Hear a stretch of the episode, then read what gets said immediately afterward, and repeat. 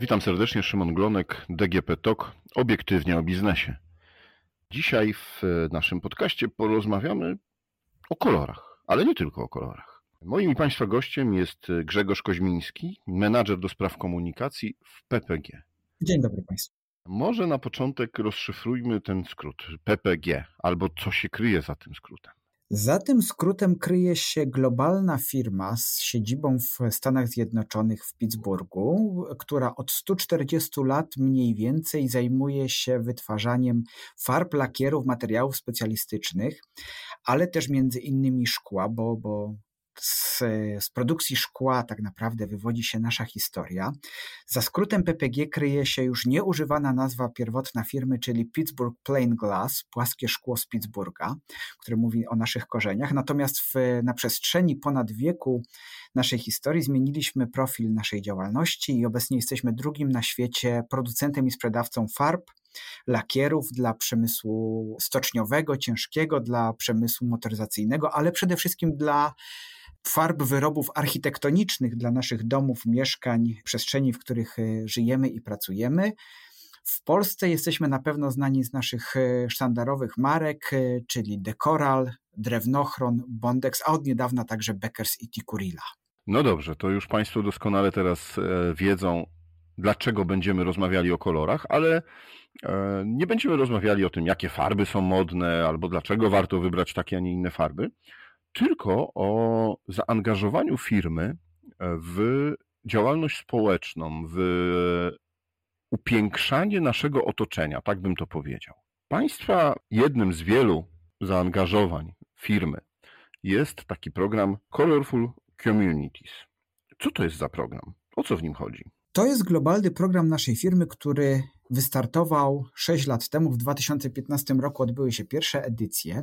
Gdzieś na poziomie globalnym zastanawialiśmy się, co możemy zrobić dla społeczności, w których funkcjonujemy na co dzień. Jak możemy być lepszym sąsiadem e, naszych fabryk, naszych biur i stwierdziliśmy, że bardzo często wokół nas są instytucje, które potrzebują wsparcia w odnowieniu przestrzeni, w uczynieniu jej bardziej przyjaznej dla mieszkańców, dla podopiecznych, dla chociażby pacjentów szpitali, uczniów szkół. W związku z tym uruchomiliśmy program, w ramach którego chcieliśmy przeznaczyć początkowo 10 milionów dolarów w ciągu pięciu lat na projekty, które właśnie będą upiększały okolice naszych, naszych e, biur. Przyznam szczerze, że w tej chwili mamy już znacznie przekroczony zarówno ten budżet, jak i liczbę projektów globalnie, które chcieliśmy zrealizować.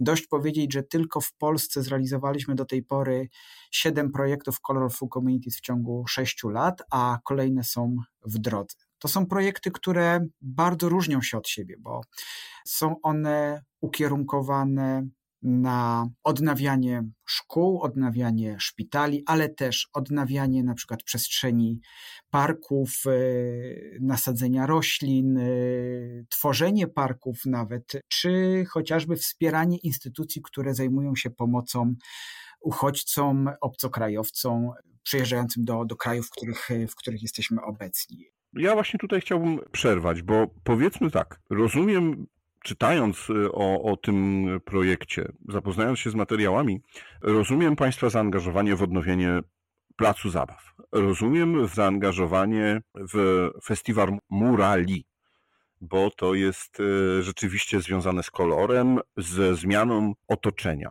Ale zaangażowanie w powstanie parku kieszonkowego no to co firma, która zajmuje się kolorami, farbami, ma wspólnego z y, tworzeniem parków? Wbrew pozorom bardzo dużo. A przede wszystkim tutaj musielibyśmy się oprzeć na dwóch filarach. Pierwszy to jest zrównoważony rozwój i to, jak bardzo zmieniamy nasze produkty, tak aby były one przyjazne dla środowiska, zarówno pod względem użytkowania, jak i produkcji. Więc zmieniamy nasze, nasze cykle produkcyjne, nasze receptury produktów, tak aby one miały jak najmniejszy wpływ na środowisko. Chcemy, żeby, żeby, żeby zarówno w Polsce, jak i no na całym świecie to środowisko rozwijało się w sposób niezagrożony przez y, działalność człowieka i mamy nadzieję, że nasze produkty do tego się przyczyniają, chociażby przez to, że większość z nich opiera się już w tej chwili na bazie wody, a nie rozpuszczalników. Z drugiej strony w procesie naszym produkcyjnym ograniczamy zużycie wody technologicznej czy produkcję ścieków, które później muszą trafiać do oczyszczalni i do środowiska. Także w ten sposób chcemy zmieniać wpływ. A po drugie, ten park kieszonkowy, który stworzyliśmy w Wrocławiu, jest wbrew pozorom bardzo kolorowy, dlatego że umieściliśmy tam oprócz oczywiście roślinności mnóstwo elementów, które rozświetlają tę przestrzeń, które nadają jej bardziej taki przyjazny, ciepły charakter, bo są tam i zadaszenia, pod którymi mieszkańcy wrocławskiego Oporowa mogą odpoczywać. Y, jest bardzo kolorowy płot, który otacza tę przestrzeń, tak żeby wszyscy czuli się tam przyjaźnie i komfortowo. Przyznam szczerze, że ta, to miejsce, w którym powstał park kieszonkowy było bardzo mocno zaniedbane. To było podwórko na zapleczu y, budynku wykorzystywanego przez Radę Osiedla Oporów, tak naprawdę no, wykorzystywane głównie jako parking dla klientów poczty znajdującej się w tym samym budynku.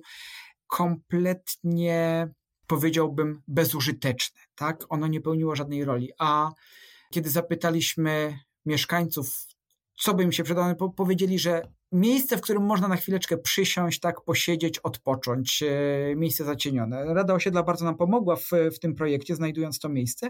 Wspólnie je odgruzowaliśmy, zadbaliśmy o to, żeby przybyło tam trochę zieleni, ale zadbaliśmy też o to, żeby ono się stało bardziej kolorowe. Między innymi przez postawienie tam kolorowych donic i zbudowanie tego płotu. Dobrze, pan cały czas mówi odgruzowaliśmy, dostosowaliśmy. To kto to jest ciśmy? Ciśmy to jesteśmy my, pracownicy PPG, dlatego że jednym z podstawowych założeń programu Colorful Communities jest zaangażowanie pracowników w działalność wolontariacką.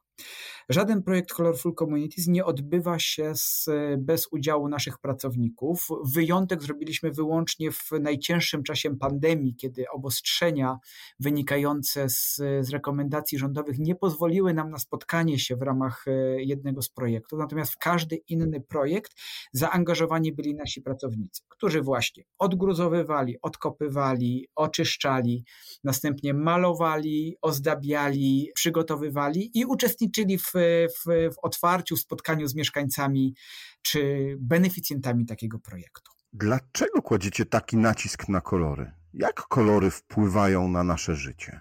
Fakt, że kolor i to, w jakim otoczeniu żyjemy, pracujemy, wpływa na nasze życie, jest niezaprzeczalny. Tak? Natomiast e, my wręcz jako firma mamy zespół osób, które zajmują się psychologią koloru. To są osoby, które na co dzień badają wpływy koloru na zachowania ludzi, badają preferencje różnych grup społecznych i dostosowują nasze produkty pod względem kolorystycznym do charakterystyki na przykład danego rynku. Również w projektach Colorful Communities te osoby bardzo nam pomagają w, w projektach, ponieważ rekomendują gamę kolorystyczną, która będzie najlepiej pasowała do projektu, bazując na tym na przykład, w jakim kraju realizujemy projekt, dla jakiej grupy społecznej on jest dedykowany, e, w jakim wieku będą beneficjenci tego projektu, czy to jest na przykład szkoła podstawowa, czy to jest szpital, czy to jest park to wszystko wpływa na to, że nasze odczucia w, w miejscu, które zostaje odnowione w ramach takiego projektu, może być zupełnie inne. Wiadomo, że niektóre kolory nas y, pobudzają, tak, sprawiają, że czujemy się bardziej energiczni, inne nas y, uspokajają. E, co ciekawe i czego, czego sam nie wiedziałem jeszcze niedawno, że nawet kolory pastelowe mogą w pewnych połączeniach wzbudzać energię, natomiast kolory mocne, kolory bardzo wyraziste mogą uspokajać i wyciszać. To wszystko jest oparte na dużej wiedzy, na wieloletnich badaniach. Co więcej, ten zespół który zajmuje się przygotowywaniem kolorów. On praktycznie przez cały rok zbiera informacje na całym świecie, aby nie tylko odpowiadać na bieżące potrzeby, ale też wyznaczać trendy na przyszłość, czyli na przykład decydować, jaka gama kolorystyczna będzie popularna w perspektywie roku, dwóch lat, tak, żeby móc przygotowywać produkty, nie tylko te architektoniczne, ale na przykład też gamy kolorów dla samochodów, które będą produkowane w, w najbliższych sezonach. To ciekawe, może pan zdradzić, jaki będzie, nie wiem, modny kolor w sezonie 2022-2023 na przykład? Mogę zdradzić, że kolorem roku w naszej gamie produktów będzie kolor, który nazywa się gałązka oliwna. No jak nie trudno zgadnąć, jest to kolor bardzo takiej przygaszonej zieleni oliwkowej To jest kolor, który będzie dominował w zastosowaniach architektonicznych, taką mamy przynajmniej nadzieję, a będzie on łączony z podobnymi barwami w, w odcieniach pastelowych, w odcieniach błękitu, pomarańczy, brzoskwini. Aha, no dobrze. Wszyscy nasi teraz widzowie wyczuleni na kolory już będą wiedzieli też, jak je e, dobierać i co będzie modne. Wasze zaangażowanie, tak jak pan powiedział, jest poparte nauką i wy również inwestujecie w naukę. Jest to jednym z, w, w obszarze waszych zainteresowań, żeby wspierać szczególnie inżynierów, e, matematyków, nauki ścisłe. Powiem szczerze, nie jest to tak oczywiste na pierwszy rzut oka, bo raczej wydawałoby się, że firma, która zajmuje się kolorami i wspiera szkolnictwo, czy wspiera naukę, no raczej powinna, nie wiem, wspierać ASP, szkoły plastyczne. Dla obserwatora z zewnątrz rzeczywiście tak się może wydawać. Nie jest pan daleko od prawdy, o czym za chwileczkę powiem, natomiast rzeczywiście to, co my obserwujemy nie tylko w Polsce, ale na całym świecie, jest bardzo duża dysproporcja pomiędzy popytem a podażą inżynierów na rynku. Osób, które specjalizują się w obszarach produkcji, technologii produkcji, ale też rozwoju produktów e, z punktu widzenia chemii. No, a co zaskakujące, również na przykład e, deweloperów czy programistów z obszaru IT, dlatego że nasza działalność również zahacza o tę dziedzinę działalności technicznej, dlatego że w tej chwili dobór farb czy sprzedaż farb bardzo mocno skłania się ku rynkowi cyfrowemu. W związku z tym konsumenci oczekują rozwiązań, które ich w tym procesie wspomogą. Stąd też bardzo mocno ten obszar digitalowy jest niedoreprezentowany w, na, na rynku, jeśli chodzi o, o specjalistów. W związku z tym my staramy się z, ze wszystkich sił skłonić młodych ludzi, żeby zainteresowali się karierą w naukach ścisłych. W związku z tym od wielu lat inwestujemy w programy które z jednej strony rozwijają umiejętności w naukach ścisłych, z drugiej strony na przykład rozwijają umiejętności w zawodach, które są wykorzystywane przez PPG, taki jak malarz, blacharz, lakiernik, tak, wspieramy tego typu inicjatywy, natomiast rzeczywiście bardzo mocno spróbujemy nawet nie tyle uczyć młodych ludzi, co zainteresować ich wiedzą. Stąd też chociażby byliśmy przez, przez wiele lat partnerem Wrocławskiego Centrum Nauki Humanitarium, aż do zakończenia przez nie działalności. Jesteśmy partnerem Muzeum Leonarda da Vinci w Mediolanie, gdzie mamy własną pracownię chemii. Jednym z działań Colorful Communities jest wsparcie w Łodzi zespołu szkół, czy też szkoły mechaniczno-lakierniczej. To jest jeden z takich projektów, który łączy w sobie dwa elementy. Z jednej strony był to projekt Colorful Communities, w którym odnowiliśmy dla szkoły przestrzeń, w których uczniowie się uczą. Z drugiej strony w ramach grantu na rozwój umiejętności e, w zawodzie sfinansowaliśmy zakup wyposażenia do laboratorium dla młodych blacharzy lakierników. Czyli co? Bardzo mocno to, e, jakie kolory są modne i jakie kolory nas otaczają, mają wpływ technicy, inżynierowie, matematycy. Oj, zdecydowanie tak, bo najprostszy przykład, jaki przychodzi mi do głowy, to jest kwestia wyboru farby do mieszkania. Bardzo często klienci, konsumenci, idąc do sklepu, gdzie mogą kupić farbę, biorą sobie, biorą sobie wzornik kolorów, wybierają jakiś kolor, który wydaje im się, że będzie świetnie pasował do ich mieszkania, wracają z wiaderkiem farby do domu, przeprowadzają remont i nagle okazuje się, że kolor, który był w sklepie, wyglądał jak jasno szary, okazuje się bardziej fioletowy niż szary. A wszystko to, ponieważ kolor, który oglądali w sklepie, prawdopodobnie oglądali w zupełnie innym świetle, o innej temperaturze niż światło u nich w domu. W związku z tym zadaniem naszych, e, naszych programistów jest stworzenie aplikacji, która umożliwi konsumentom sfotografowanie wnętrza ich domów przy różnym oświetleniu, uwzględnienie naturalnego światła słonecznego, światła, które jest tam zastane i pokazanie, jak rzeczywiście kolor przed nich wybrany będzie wyglądał w tym wnętrzu i będzie to najbliższe prawdy. Nie jest to, to łatwe, bo wymaga nie tylko wiedzy o programowaniu, tak, ale też umiejętności interpretacji danych ze względu na, na te artystyczne walory, o których Pan wspominał, czyli taką powiedzmy wrażliwość estetyczną i umiejętność odczytania prawidłowo, prawidłowo informacji, które, które przekazuje nam czysto digitalowe rozwiązanie.